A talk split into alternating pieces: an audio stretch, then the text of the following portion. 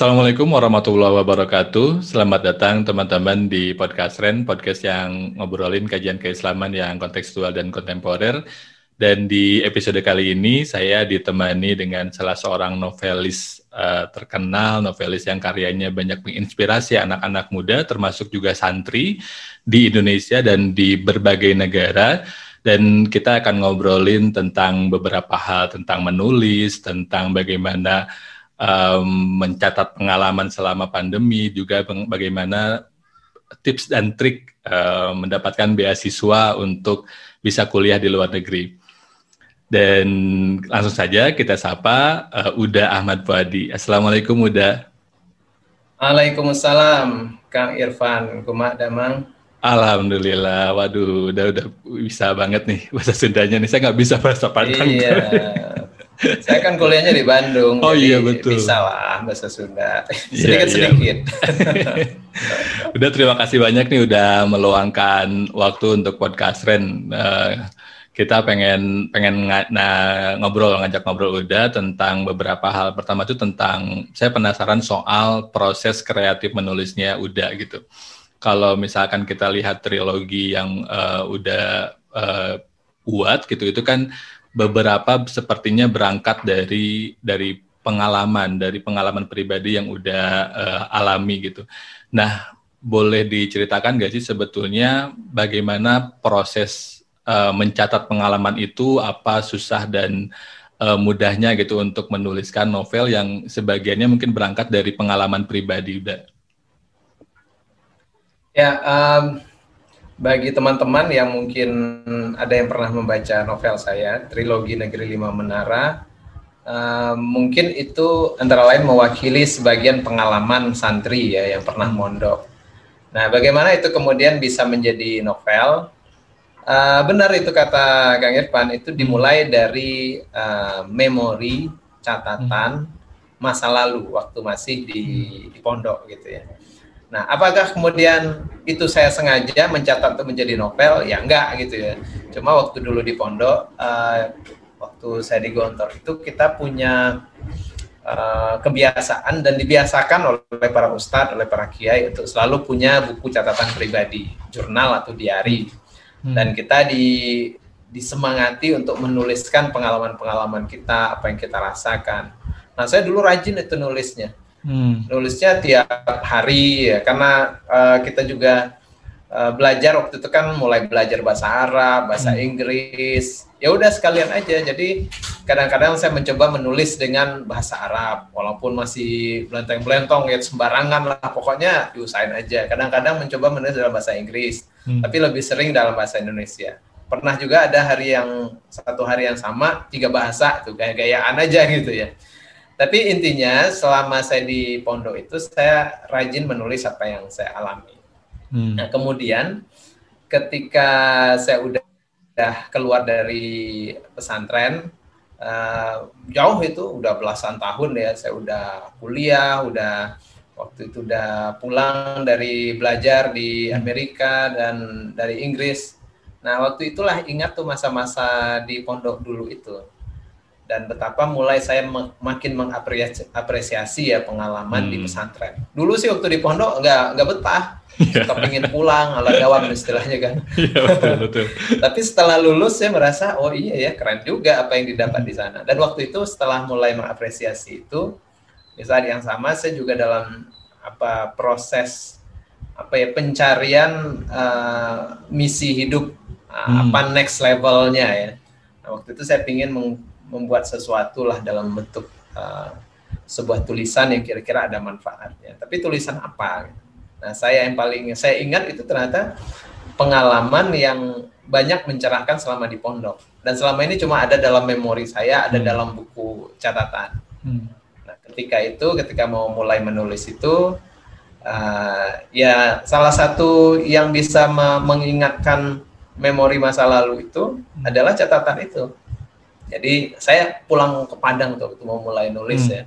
Karena kan menulis novel itu salah satu niat luhurnya nih. Uh, selain uh, ya suka menulis, tapi saya pikir mudah-mudahan nih cerita ini ada manfaatnya lah. Ya kayak hadis itu ya khairunas anfa'uhum linnas. Hmm. Jadi saya pulang kampung ke hmm. ke Padang. dan yang pertama saya cari adalah uh, di dalam lemari-lemari di rumah itu masih ada nggak buku catatan saya dulu waktu di pesantren. Untungnya masih ada dan juga masih ada dan juga sudah ada yang dimakan rayap ya, tapi hmm. yang masih utuh yeah. banyak. Itu saya baca ulang.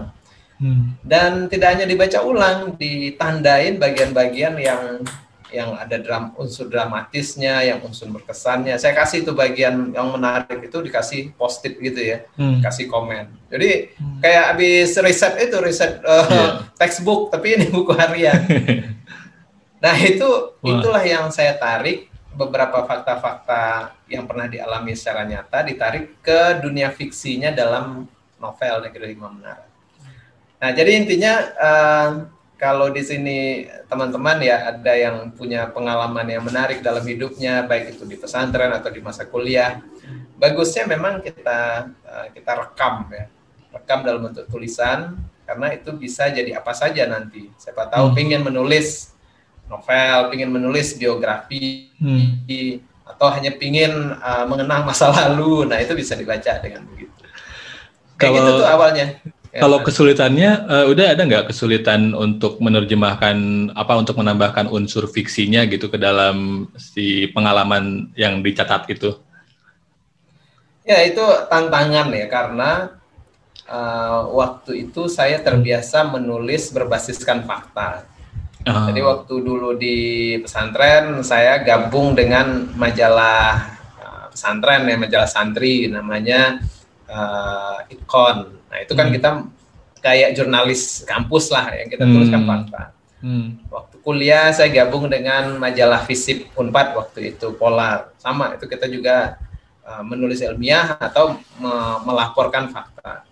Ketika kerja di Tempo sama uh, sebagai jurnalis kiblat kita adalah apa yang ada di lapangan, apa yang terjadi, semuanya berbasis fakta. Hmm. Nah, tahu-tahu menulis novel itu kan kita tidak uh, berbasiskan fakta lagi, hmm. tapi di sana ada storytelling, ada pengembangan, ada cerita, ada imajinasi.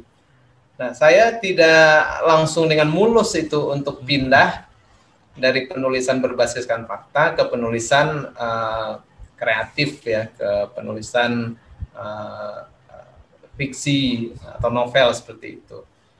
Uh, dan apa yang saya lakukan ya, saya mencoba banyak belajar saja, banyak membaca. Hmm yang buku non fiksi uh, eh buku fiksi lalu uh, saya baca how to ya cara menulis hmm. yang baik nah itu cara membacanya itu ya kebetulan saya di dikasih hadiah sama istri saya sebuah buku judulnya How to Write a Novel hmm. bagaimana nulis novel ya sesimpel itu kenapa dia kasih saya buku karena dia cemas ini suaminya nggak pernah nulis novel, tahu-tahu bikin novel gitu ya.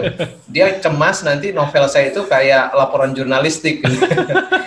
Jadi disuruh dulu nih baca nih buku ini. Ya udah saya baca dari cover to cover ya. Hmm. Dan saya praktekin. Oh ternyata hmm. bikin fiksi begini, bikin karakter begini. Nah jadinya ya negeri lima menara itu. Hmm. Nah apakah itu berhasil apa tidak? Ya kembali ke pembaca ya awalnya sih saya senang ya karena banyak yang suka buku hmm. itu, hmm. bukunya bestseller di mana-mana. Hmm. Kan juga agak GR juga lah, wah ternyata bisa gitu ya. Yeah. Tapi uh, ternyata yang mengkritik juga banyak. Nah hmm. waktu itu ada yang mengkritik bilang ini novel atau laporan jurnalistik tapi dipanjangin kata dia. nah uh, sebetulnya ada gini, artinya itu kritik buat saya supaya hmm. lebih uh, lebih benar nulis hmm. nulis fiksi. Hmm tapi di, di, di, pihak lain itu sebetulnya juga uh, sebuah pujian bahwa saya pernah jadi wartawan dan berhasil gitu sampai uh, saya lupa ah. mengubah gaya. gitu. nah jadi memang prosesnya belajar. Saya nggak nggak nggak nggak penulis fiksi dari dulu, tapi hmm. uh, mulai menulisnya ketika sudah akhir-akhir ini. Wah ini kalau ini udah kalau saya jadi penasaran um, bagaimana cara udah mendefinisikan proses menulis karena biasanya kalau penulis gitu kan saya juga nulis kita biasanya punya tafsiran sendiri gitu proses menulis itu secara personal uh, gimana gitu. Nah saya penasaran kalau bagi Uda sendiri proses menulis itu seperti apa Uda? Ya bagi saya menulis itu uh, adalah proses kedua atau ketiga ya dari langkah-langkah hmm membangun sebuah karya. Hmm. Uh, kadang-kadang kita terlalu sibuk dengan proses teknisnya ya, bagaimana hmm. membangun paragraf, membangun karakter, hmm. membangun konflik dalam cerita. Tapi sebelum itu ada ada proses yang penting juga, yang prosesnya mungkin nggak kelihatan, nggak fisik, hmm. uh, terjadi internal. Hmm. Yang saya sebut itu uh, proses pencarian ke dalam jadi hmm. makanya saya punya kelas menulis tuh judulnya yeah. Writing from Writing, the Heart ya, menulis yeah. dari hati. Sebetulnya itu. Jadi sebelum kita menulis secara fisik yang terjadi sebetulnya menurut saya nih ya, hmm. lebih bagus kita mencari ke dalam dulu. Hmm. Ada inner journey, perjalanan ke dalam untuk bertanya nih ke diri kita. Pertama hmm. mencari why-nya, alasannya, nawaitunya apa. Hmm. Ya tentunya gampang ya, nawa itu saya ingin nulis karena ini. Tapi kalau bisa digali lebih lebih dalam lagi, karena semakin kuat uh, nawa itu itu atau reason itu, hmm. semakin banyak energi nulisnya. Hmm. Jadi menulis tidak tidak cepat patah arang, tidak cepat berhenti di tengah karena kita udah jelas nih uh, alasannya atau misinya lah. Lalu yang kedua, adalah uh, pencarian lagi nih ke dalam bertanya tentang tema apa atau topik apa hmm. yang kita tulis. Nah, saya merasa menulis yang paling asik itu adalah menulis yang uh, topiknya itu paling dekat dengan hati kita, yang kita paling hmm. paling peduli, paling care, uh, paling apa ya, pokoknya membuat kita kalau disuruh menulis, eh, kalau disuruh ngomong tentang topik ini, hmm. kita akan kuat bicara topik itu tiga hari tiga malam. Gitu. Hmm. Yeah. Saking kita sukanya, saking kita terhubungnya dengan topik itu, sampai yang dengarnya minta ampun, jangan cerita itu lagi, udah bosan. sementara kita nggak bosan kan? Iya betul. Nah jadi menurut saya uh, menulis adalah mencari apa yang kita nggak akan bosan ngomong tiga hari tiga malam lah antara hmm. lain. Sehingga ketika kita menulis, kita menulisnya itu dengan senang hati ya, dengan riang gembira. Hmm. Bahkan kita nggak sabar menunggu waktu menulis lagi, karena kita begitu suka dengan topik itu. Nah, nah ini, menurut ini, saya, nah begitu tuh. Nah ini udah menarik nih, uh, kita menulis berarti kan yang paling penting adalah apa yang kita sukai. Nah, eh, belakangan itu saya sering juga melihat atau mendengar gitu apa namanya kayak bahwa menulis itu kita juga harus tahu audiens yang kita sasar seperti apa. Nah, ini kalau kalau dari dari udah sendiri gimana nih untuk menyeimbangkan antara kita menulis sesuatu yang kita sukai tapi di sisi lain juga yang probabilitas audiens sukai itu besar juga gitu atau atau gimana nih kalau dari udah sendiri pengalaman uh, audiens itu mungkin uh, pertimbangan kedua ya karena hmm. uh, menurut saya kalau kita punya belief ya punya hmm. kepercayaan punya koneksi hmm. dengan cerita kita secara dalam artinya itu keluar dari hati kita uh, yang kita sampaikan itu sebetulnya punya kekuatan menyentuh hati pembaca nah sementara kalau kita terlalu memikirkan audiens nanti kita mungkin malah kehilangan daya daya koneksi dengan hati kita sendiri karena terlalu sibuk dengan mikiran yeah. di luar. Karena jadi khawatir Artinya, gitu ya. Iya inside hmm. out ya dari hmm. dalam dulu. Hmm. Nah, tentu hmm. boleh mikirin audiens ya. Nah, kalau dalam pengalaman saya sih audiens saya pikirkan tapi itu udah uh, di next levelnya lah. Yang hmm. pertama hmm. saya lebih penggalian ke dalam. Hmm. Nah, yang bagus juga sih kita pertama audiens kita adalah diri kita sendiri. Kita cukup puas ya hmm. dengan cerita kita ini. Uh, bahkan tidak harus kemudian berpikir uh, jauh-jauh ya. Pertama kita happy, puas nggak, lalu orang terdekat kita uh, suka nggak gitu ya. Kalau merasa kemudian perlu audiens yang lebih luas ya bisa nanti dipertimbangkan. Hmm. Uh, ini iya. kira-kira cerita ini akan cocok buat siapa. Jadi uh, menurut saya kita menulis itu bagus kalau memakai pendekatannya inside out ya dari dalam dulu baru kita bawa keluar. Nah, karena apa yang kuat di dalam itu nanti akan gaungnya lebih kuat keluar. Hmm. Kalau kita terlalu fokus kepada pendengar, uh, nanti malah kita kehilangan konektivitas ya, hmm. uh, keterhubungan dengan dalam kita. Ya. Nah, jadi itu cari yang kita yeah. benar-benar connect dengan cerita itu. Masalah audiens siapa bisa mulai audiensnya diri kita sendiri. Hmm. Kita puas nggak dengan itu? Hmm. Dan orang-orang terdekat kita. Hmm. Audiens cerita saya pertama yang ada di Negeri Lima Menara itu istri saya. Dia bukan hmm. orang pesantren, jadi dia nggak nggak kebayang pesantren itu gimana. Tapi ketika saya ceritain, bagi dia menarik ini cerita pesantren. Hmm. Kaget-kaget dia, oh di pesantren itu ada begini, ada begitu gitu ya. Dan menurut saya, oh ternyata apa yang biasa bagi kita itu nggak biasa buat orang gitu ya. Ah, ya udah iya. diceritain aja lah dan dia bilang ya kenapa nggak diceritain gitu. Hmm. Jadi sesuatu yang kita anggap normal belum tentu normal buat orang lain. Hmm. Sesuatu yang kita anggap biasa aja bisa luar biasa buat orang lain. Jadi uh, tulis aja. Uh, ini hmm. saya ini ya saya kasih cerita ilustrasi sedikit. Hmm. Hmm. Hmm. Uh, beberapa tahun yang lalu itu saya diundang sama seseorang seorang profesor dari Amerika. Hmm. Namanya Profesor Jeff Hadler, dia Indonesianis ya. Dia bilang, uh, could you come to our campus? Boleh nggak datang ke kampus kami? Kampus Anda di mana? Kampus kami di Berkeley. Jadi University of California at Berkeley. Salah satu kampus terbaik lah di dunia. Hmm. Hmm. Terus saya tanya buat apa? ya Anda cerita aja tentang cerita Anda. Cerita yang mana? Ya negeri lima menara itu. Gitu. Hmm. Nah, beberapa saat saya bingung apa menariknya buat orang di Berkeley cerita negeri lima menara yang cerita anak kampung masuk pesantren gitu. Ya. Dia bilang ya menariknya karena itunya karena lokalitasnya itu. Uh. Nah akhirnya uh, hmm. sebelum tanya jawab lebih lanjut kan saya okein aja dulu biar dapat tiket pergi ke sana kan. nah akhirnya ke sana disuruh masuk kelas cerita tentang buku, hmm. uh, suruh kasih public lecture tentang Negeri Lima Menara, putar filmnya, hmm. dan dia kemudian Profesor Jeff Hadler ini dia udah almarhum ya dia cerita hmm. uh, buku anda ini novel ini kami pakai sebagai bahan uh, buat dua mata kuliah, jadi hmm. buku bacaan wajib. Wah saya hmm. pikir, wah novel jadi buku bacaan wajib ini mata kuliah apa sih?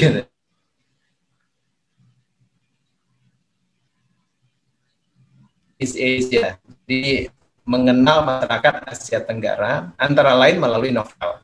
Hmm. Nah, kebetulan sudah dalam bahasa Inggrisnya, jadi mereka bisa baca dalam bahasa Inggris. Nah, bayangkan teman-teman, waktu itu saya GR juga ya.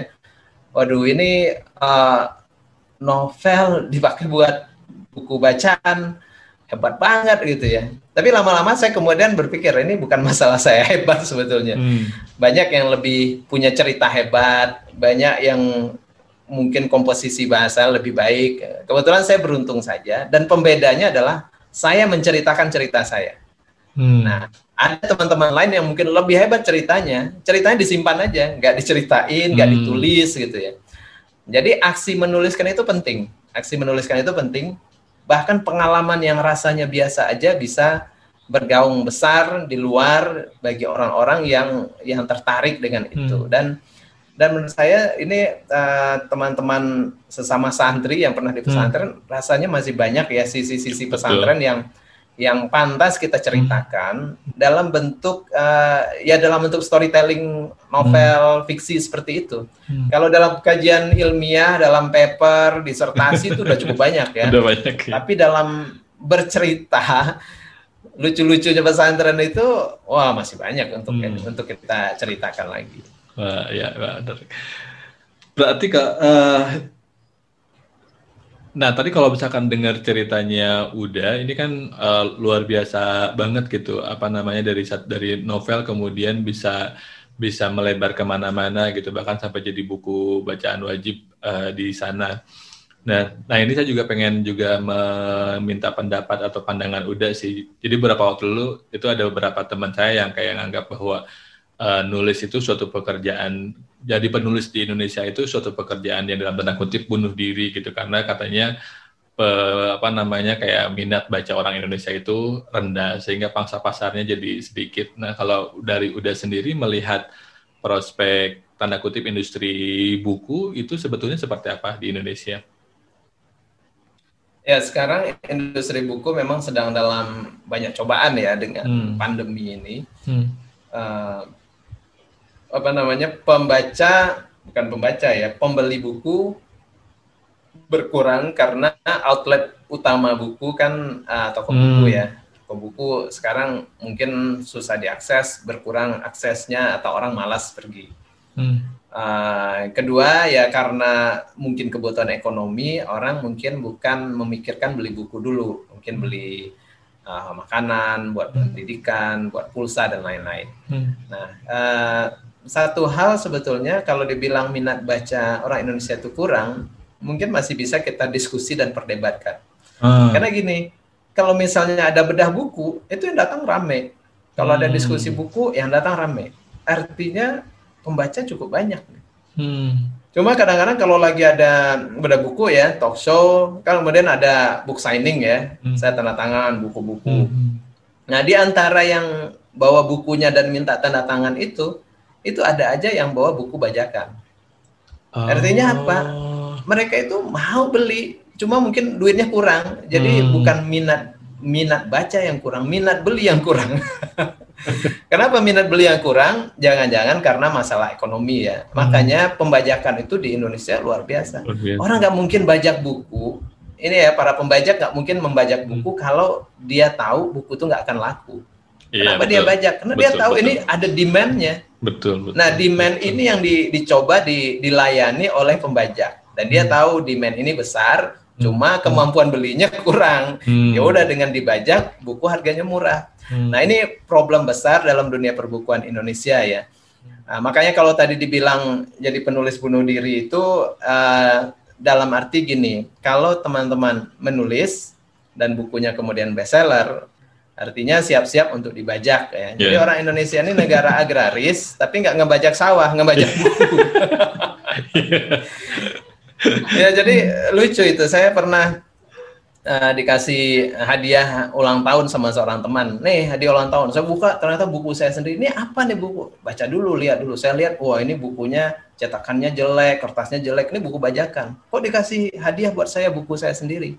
Artinya selamat, buku kamu sudah oh. dibajak. Artinya kamu bukunya sudah bestseller. Iya, Nah, jadi teman-teman kalau misalnya menulis bukunya kemudian bestseller, uh, siap, itu siap. pertama uh, penghasilannya lumayan baik hmm. ya. Kedua, uh, kalau bukunya bagus, isinya mudah-mudahan ada manfaat. Yang hmm. ketiga ya siap-siap dibajak karena saat ini begitu ya.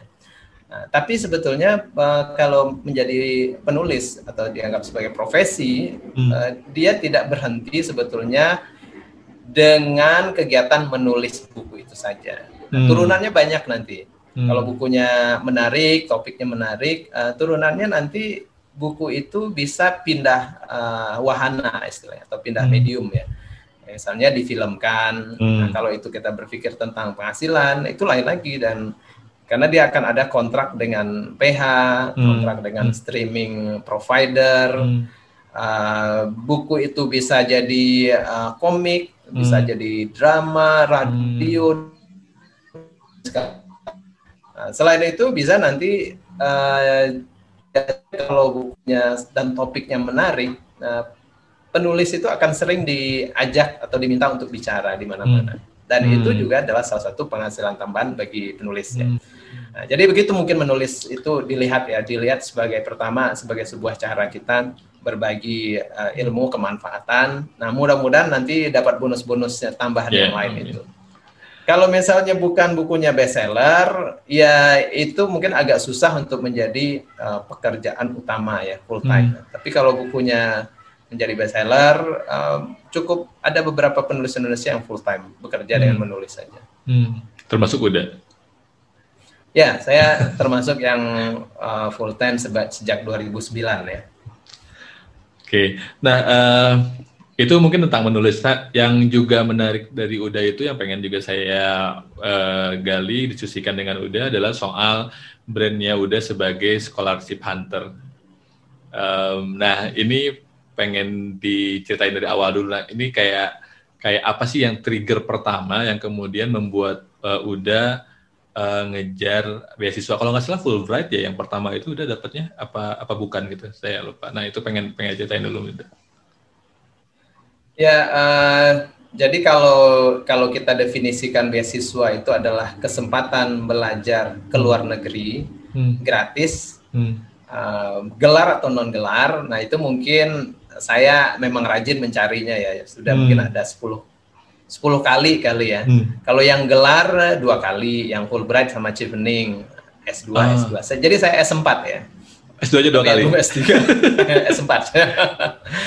nah, oh. di luar itu banyak program-program lain, ada yang namanya fellowship, ada hmm. exchange program, hmm. ada youth program, ada residensi. Hmm. Nah, itu bagi saya semuanya adalah kesempatan belajar gratis yang sebaiknya kita coba ya. Hmm. Nah, bagaimana mulanya? Nah, mul awalnya sebetulnya jauh sebelum sebelum uh, saya mulai mencari beasiswa. Awalnya mungkin bahkan sebelum saya lahir.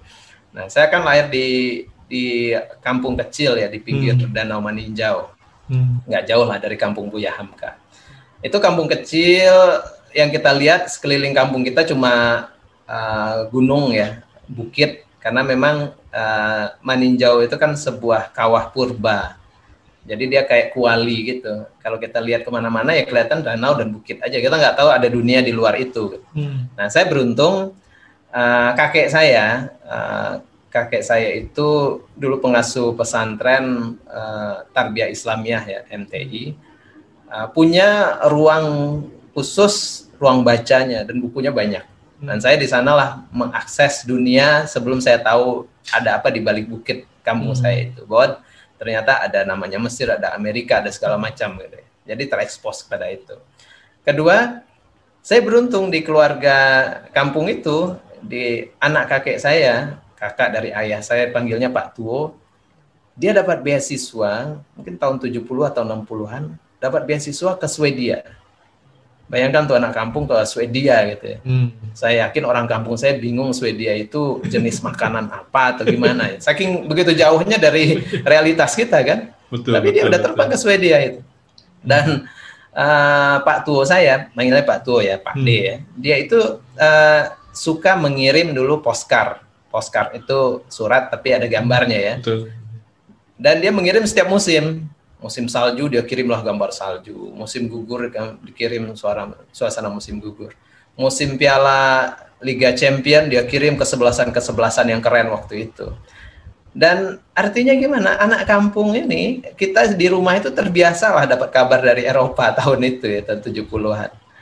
Beberapa tahun kemudian, uh, adik dari ayah saya atau panggilnya Pak Ete, dapat beasiswa juga. Nah kali ini beda, dia ke Madinah. Hmm. Oh dia juga nggak mau kalah kan, dia kirim juga tuh postcard Masjid Nabawi dan lain-lain. Jadi bayangkan di masa kecil saya hmm. sudah terbiasa uh, mendapat kabar dari barat dan timur ya, hmm. dan itu di, dikirimkan oleh orang-orang dekat saya. Nah jadi di sana tumbuhlah sebuah belief ya, ada kepercayaan bahwa ternyata anak kampung juga boleh sekolah ke penjuru penjuru dunia, mau ke barat mau ke timur bisa. Dan contohnya ada di depan saya. Gitu. Nah, jadi menurut saya pertama itu karena dari lingkungan keluarga. Kedua kemudian terbit belief ya, hmm. ada ada kepercayaan diri dan ada keinginan. Jadi sejak itu saya pikir, oh asik juga ya suatu ketika nanti saya juga pengen lah lihat kayak gimana salju itu dan segala hmm. macam. Nah itu berlanjut sampai di pesantren di Gontor ketemu juga guru-guru juga macam-macam kan sekolahnya. Hmm. Ada yang dari Mesir, betul, dari Madinah, dari Pakistan, ada yang dari Cambridge, eh, dari ini dan dari Manchester ya. Nah ini mendekatkan lagi uh, situasi itu. Jadi saya beruntung ada di lingkungan seperti hmm. itu ya. Jadi bagi saya sekolah ke luar negeri itu normal-normal saja. Seperti saya juga melihat ada santri dari Australia, dari Malaysia, dari Singapura datang ke Gontor dan menjadi teman saya. Wah, hmm. mereka aja juga bisa belajar ke Indonesia ya. Kebalikannya juga kita bisa. Nah, situasi berpikir seperti itu menurut saya penting ya, melihat itu normal dan itu bisa kita capai. Dan itu yang saya kejar. Ketika saya kuliah, saya pikir ya satu kan, waduh saya harus mulai cari beasiswa juga nih gitu ya. Cuma waktu itu mungkin banyak yang bilang gini, selesai selesaiin dulu deh S1 baru cari beasiswa. Tapi saya pikir, loh kenapa harus nunggu? Siapa tahu ada gitu. Hmm. Lalu cari-cari informasi, ternyata ada. Bukan beasiswa gelap tadi saya bilang. Pertama itu Youth Exchange Program, pertukaran hmm. pemuda ya. Dan saya coba lamar. Oh, alhamdulillah dapat ke Kanada. Itu program 9 bulan, saya masih semester 4 atau semester wow. 5 kuliah. Nah, itu kan waduh itu senang banget ya karena itu kan cita-cita gitu ya yeah. melihat salju langsung gitu ya sampai nangkepin salju pakai mulut mau nyoba gimana rasanya iya. nah lalu saya pulang balik ke kuliah lanjut kuliah dan di waktu itu saya berpikir-pikir wah kalau dapat sekali jangan-jangan ada bisa dua kali nih gitu ya. Jadi nggak puas sekali gitu. Saya cari lagi. Informasinya kan gampang ya sering-sering aja main ke rektorat ke dekanat ada informasi itu ada poster lah ada info. Hmm. Ada juga ternyata namanya waktu itu uh, eh, SIF Fellowship ke NUS ke Singapura untuk kuliah satu semester. Saya coba lagi dapat lagi. Jadi selama S1 saya udah dua kali dapat kesempatan ya beasiswa singkat seperti hmm. itu ya. Nah ini lagi-lagi menambah uh, kepercayaan diri tadi dan ketika udah kerja, udah jadi wartawan, baru saya melamar untuk yang S2 ke Fulbright, Fulbright ya. ke Amerika. Hmm bahkan setelah pulang dari Amerika udah kerja lagi saya pikir aduh saya kayaknya perlu belajar sesuatu lagi nih coba lagi chevening kan alhamdulillah dapat lagi gitu ya nah jadi uh, menurut saya yang penting itu ada belief kita lalu memang ada keinginan untuk belajar dan belajar itu kemudian tidak dibatasi batas geografisnya ya bisa hmm, kita hmm. tembus ke mana aja ya udah habis itu kita coba aja nah menurut saya seperti itu kalau kalau cara saya ya hmm. ada dimulai dari dalam dulu lah ya. Kalau ini udah kalau saya jadi penasaran nih uh, dengan sekian banyak pengalaman udah apply untuk beasiswa, fellowship dan yang sejenisnya, uh, apakah udah pernah mengalami gagal gitu apa ditolak gitu sama yang uh, ngasih beasiswanya terus uh, dan ini sekalian aja dan dan dan ada nggak sih kayak trik khusus uh, udah untuk untuk sehingga peluang lolosnya itu jadi semakin besar gitu Uh, gagal tentu saja ya hmm. uh, dan waktu itu saya pikir ya biasa-biasa aja. Pertama hmm. beasiswa itu banyak, jadi perlu juga kita punya keyakinan ya beasiswa peluang beasiswa itu sebetulnya banyak. Cuma hmm. tidak semua orang tahu. Jadi kita harus yeah. rajin mencari memang. Uh, kedua kalau gagal ya diperbaiki aja uh, tahun depannya atau cari beasiswa yang lain. Uh, lalu yang juga mungkin penting bahwa beasiswa itu sebetulnya bukan buat orang yang pintar aja ya. Hmm. Bukan buat orang yang perfect IPK-nya, bukan. Hmm. Nah, banyak orang yang IPK-nya tinggi tapi nggak dapat beasiswa. Hmm. Yang biasa-biasa aja malah dapat beasiswa. Hmm. Jadi akhirnya saya pada kesimpulan menurut saya yang diutamakan oleh pencari beasiswa adalah orang yang tahu apa yang dia mau.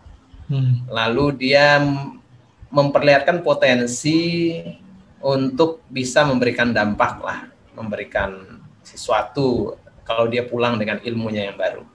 Nah, jadi artinya kalau mau dapat beasiswa, pertama kita harus benar-benar tahu apa yang kita mau ya. Hmm. Kita mau belajar ini karena apa, terus dengan itu rencana kita akan gimana, dan itu disampaikan yeah. supaya orang juga tahu isi kepala kita. Hmm. Uh, gimana pun kalau pemberi beasiswa adalah dari luar negeri, itu kan sebetulnya bagian juga dari tools diplomasi ya. Hmm. Uh, kita bisa kontribusi apa untuk hubungan kedua negara itu. Uh, makanya kalau beasiswa dari luar negeri itu pasti ada klausul kita harus pulang setelah beasiswa. Yeah, betul.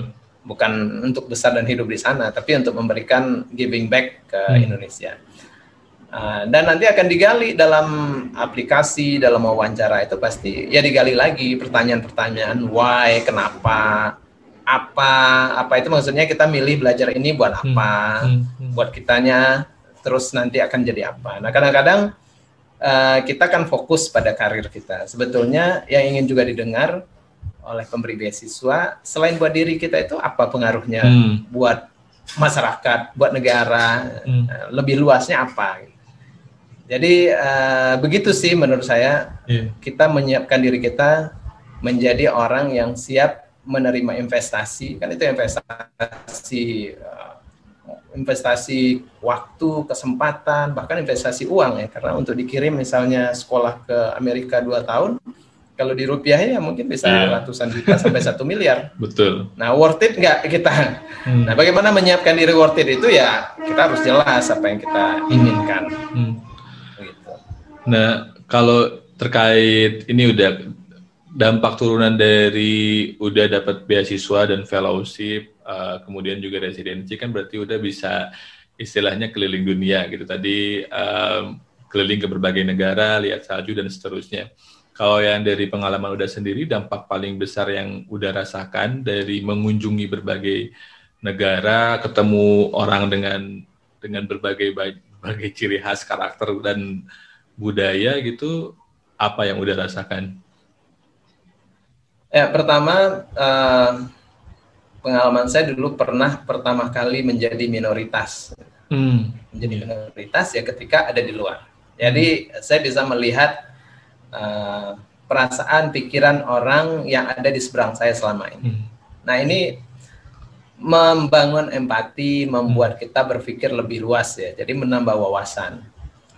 Uh, kedua, ketika kita bertemu dengan orang-orang dari berbagai tempat itu, kita menemukan mereka sebagai manusia biasa gitu ya, bukan sosok bule misalnya sosok uh, orang asing, tapi ya dia manusia juga. Dan itu membangun juga rasa wah kita punya kesetaraan ya kita bisa satu level. Bukan berarti si bule itu lebih hebat dan segala macam. Ilmu ya ilmu uh, itu agak relatif menurut saya ya. Kita bisa belajar banyak di sana tapi tidak berarti dari luar negeri selalu yang terbaik. Tapi itu meluaskan lagi wawasan. Um, ya kalau disingkat sebetulnya yang yang terjadi adalah perluasan wawasan di berbagai bidang. Kalau kita uh, banyak berjalan, banyak bertemu orang dari beragam tempat. Saya masih ingat waktu pertama beasiswa ke Amerika itu, kampus saya di George Washington University itu di tengah kota Washington DC ya. Jadi hanya mungkin lima blok atau enam blok dari White House, jadi cukup dekat hmm. di tengah. Nah, saya waktu itu berpikir, aduh nanti saya kalau sholat segala macam, bagaimana ini? Hmm. Ternyata kampus itu menyediakan musola. Nah, hmm. Menarik kan ada, wah ternyata disiapin musola nih. Gitu. Kalau Jumat yang susah karena musolanya nggak muat karena musolanya kecil. Lalu gimana nih? Ternyata uh, Muslim Student Association-nya itu sudah punya kerjasama dengan sebuah gereja yang ada dalam kampus. Kita Jumatannya di gereja hmm. di basement gereja gitu ya. Jadi azan, pengajian segala macam di basement gereja. Orang gereja yang tenang-tenang aja, kita juga tenang-tenang aja. yeah. Jadi mungkin dulu pengurus pengurus Muslim Association ini nyari-nyari tempat yang luas kali ya. Hmm.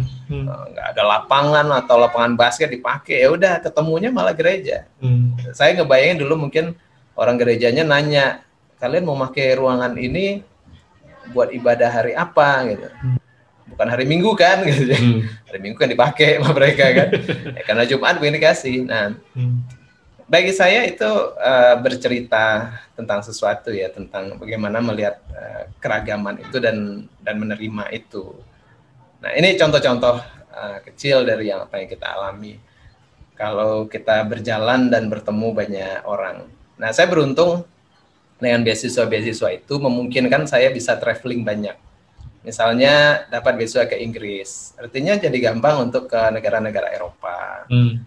Uh, dapat waktu itu ke ke Italia, ke ke Singapura dan lain-lain. Membuat traveling itu jadi jadi mudah tanpa harus hmm. khusus bayar dari awal. Iya, betul. Dan juga menulis itu juga memudahkan juga. Jadi sering diundang kan, diundang untuk bicara. Tadi kan saya bilang diundang ke Amerika, ke Australia, ke Jerman, ke mana-mana lah. Hanya ngomong tulisan aja. Nah, alhasil nih jadi bisa nih keliling. Lo dihitung-hitung mungkin udah 55 negara. Wow. Uh, dan uh, bukan sengaja khusus ngeluarin duit ya, sebagian yeah. karena diundang lalu kita panjangin waktunya gitu ya. Kalau ada negara favorit nggak ada dari yang udah dikunjungi itu? Masing-masing negara kan punya kekhasan ya, tapi yang saya ingat itu yang khas itu uh, Maroko, hmm. khususnya kota Fes ya. Kota Fes itu hmm. menurut saya unik sekali ya. Jadi dia dipelihara untuk kelihatan tetap di masa lalu tanpa hmm. meninggalkan kemodernan. Jadi hmm. nggak boleh ada kendaraan bermotor di kota itu. Jalan-jalan utamanya juga cuma 2 meter. Lalu kendaraannya apa? Keledai. Jadi bawa-bawa barang segala macam naik keledai. Cuma oh. yang mengendarai keledainya punya handphone. Keren kan? nah gunanya apa? Antara lain mereka pingin kota itu tetap dikunjungi turis untuk melihat keaslian uh, kota tua itu. Hanya kota tuanya, di luarnya boleh pakai. Nah, ini kan menarik juga ya bagaimana mereka memperlakukan uh, heritage mereka uh, tetap bisa dihargai orang sebagai sebuah objek wisata yang otentik uh, di saat yang sama bukan berarti membuat mereka mundur malah mereka tambah tambah dihargai gitu ya. Uh, lalu yang juga menarik sebetulnya Italia ya, Italia, Spanyol, Turki, uh, New Zealand, ah masing-masing punya ininya lah ya. Rusia punya keunikannya ya. Tapi kalau misalnya punya harus memilih ya datanglah ke Turki, ke Spanyol, ke Italia, ke ke Maroko, ke New Zealand. Hmm, wow. Terakhir nih udah nih. Um, uh, apa ya ada yang berubah nggak dengan dengan pandemi ini terutama da, dari uh, kapasitas UDA sebagai uh, penulis gitu dan dan bagaimana kemudian ekspertis UDA dalam penulisan itu membantu atau atau mempengaruhi cara UDA merespon pengalaman yang uh, di situasi di situasi pandemi seperti sekarang. Ya kalau pandemi itu membuat um, kalau tadi saya bilang ya dari sisi industri buku hmm. tentu uh, ada yang berkurang dari sirkulasi buku, dari kegiatan uh, offline yang tadi saya bilang untuk ngomong, hmm. untuk talk show dan segala hmm. macam. Hmm. Tapi kemudian tergantikan oleh waktu yang lebih banyak ya. Hmm. Dan orang konversi ke digital. Hmm. Malah saya kemudian bisa bikin kelas menulis yang yeah yang udah berapa enam, enam angkatan atau tujuh angkatan melalui digital. Jadi tetap ternyata bisa uh, berbagi dan jangkauannya lebih luas. Kalau dulu saya punya kelas menulis yang datang di Jakarta ya orang Jakarta aja gitu. Paling jauh mungkin dari Bekasi, dari hmm. Bogor. Kalau sekarang saya bikin kelas menulis datang dari berbagai benua tuh. Yeah. Dan dari Amerika, dari Jepang, dari segala macam gitu ya. Jadi kita malah punya peluang untuk berbagi lebih lintas uh, border Hmm. dengan uh, dunia digital. Oh. Uh, lalu dengan berkurangnya kegiatan di luar, artinya kita punya waktu lebih banyak mungkin untuk uh, belajar, merecharge, menambah ilmu, uh, berkarya gitu. Kalau saya ya malah malah merasa ada keberuntungan khusus jadinya karena punya waktu lebih banyak selama banyak di rumah ini. Kalau yang lain apa ya? Um, ada buku baru nggak udah itu, yang akan terbit gitu? Nah, ada buku cuma belum terbit gara-gara uh, pandemi lagi. Oh. Jadi saya lagi menggarap hampir selesai novel biografi Buya Hamka. Wow. Sebetulnya sudah harus terbit ya, tapi karena ditunda oleh pandemi. Nah, nanti dia akan bersamaan seharusnya di dalam plannya itu dengan film layar lebarnya, ada hmm. novelnya. Hmm. Uh, bahkan juga ada film baru, film yang mengadaptasi novel kedua saya Renah Tiga Warna, Tiga Warna. yang sudah selesai dari tahun lalu seharusnya. Hmm. Tapi karena bioskop uh, tidak maksimal, belum buka, ya filmnya ditahan dulu. Hmm. Uh, lalu dua tahun yang lalu saya menulis novel biografi Lafran Pane, pendiri HMI. Uh. Nah itu seharusnya juga ada filmnya dan filmnya sudah syuting dan segala macam. Tapi dengan kondisi sekarang masih uh, belum siap. Jadi ada beberapa yang istilahnya di pipeline ya, pipe, uh, pipeline ya udah siap, uh, tapi belum bisa ditayangkan. Hmm. Nah, mudah-mudahan kondisi membaik nanti. Amin. Terbit, film tayang dan kita bisa nonton bareng-bareng. Ya, amin. Mudah-mudahan segera uh, kondisinya membaik lagi, bioskop buka lagi dan toko buku juga bisa mulai beroperasi normal kembali. Udah, terima kasih banyak sudah meluangkan waktu uh, di diskusi kita hari ini. Semoga udah sehat-sehat selalu di sana. Siap, sama-sama mendoakan kita. Dan saya senang akhirnya bisa pakai peci juga nih. iya, peci. Siap. Terima kasih. Uh, teman-teman, demikian diskusi obrolan uh, saya dengan Uda Puadi, novelis uh, yang kita uh, semua kenal. Semoga ada manfaatnya. Saksikan terus atau dengarkan podcast Ren di YouTube atau di Spotify. Terima kasih. Wassalamualaikum warahmatullahi wabarakatuh. Waalaikumsalam warahmatullahi wabarakatuh.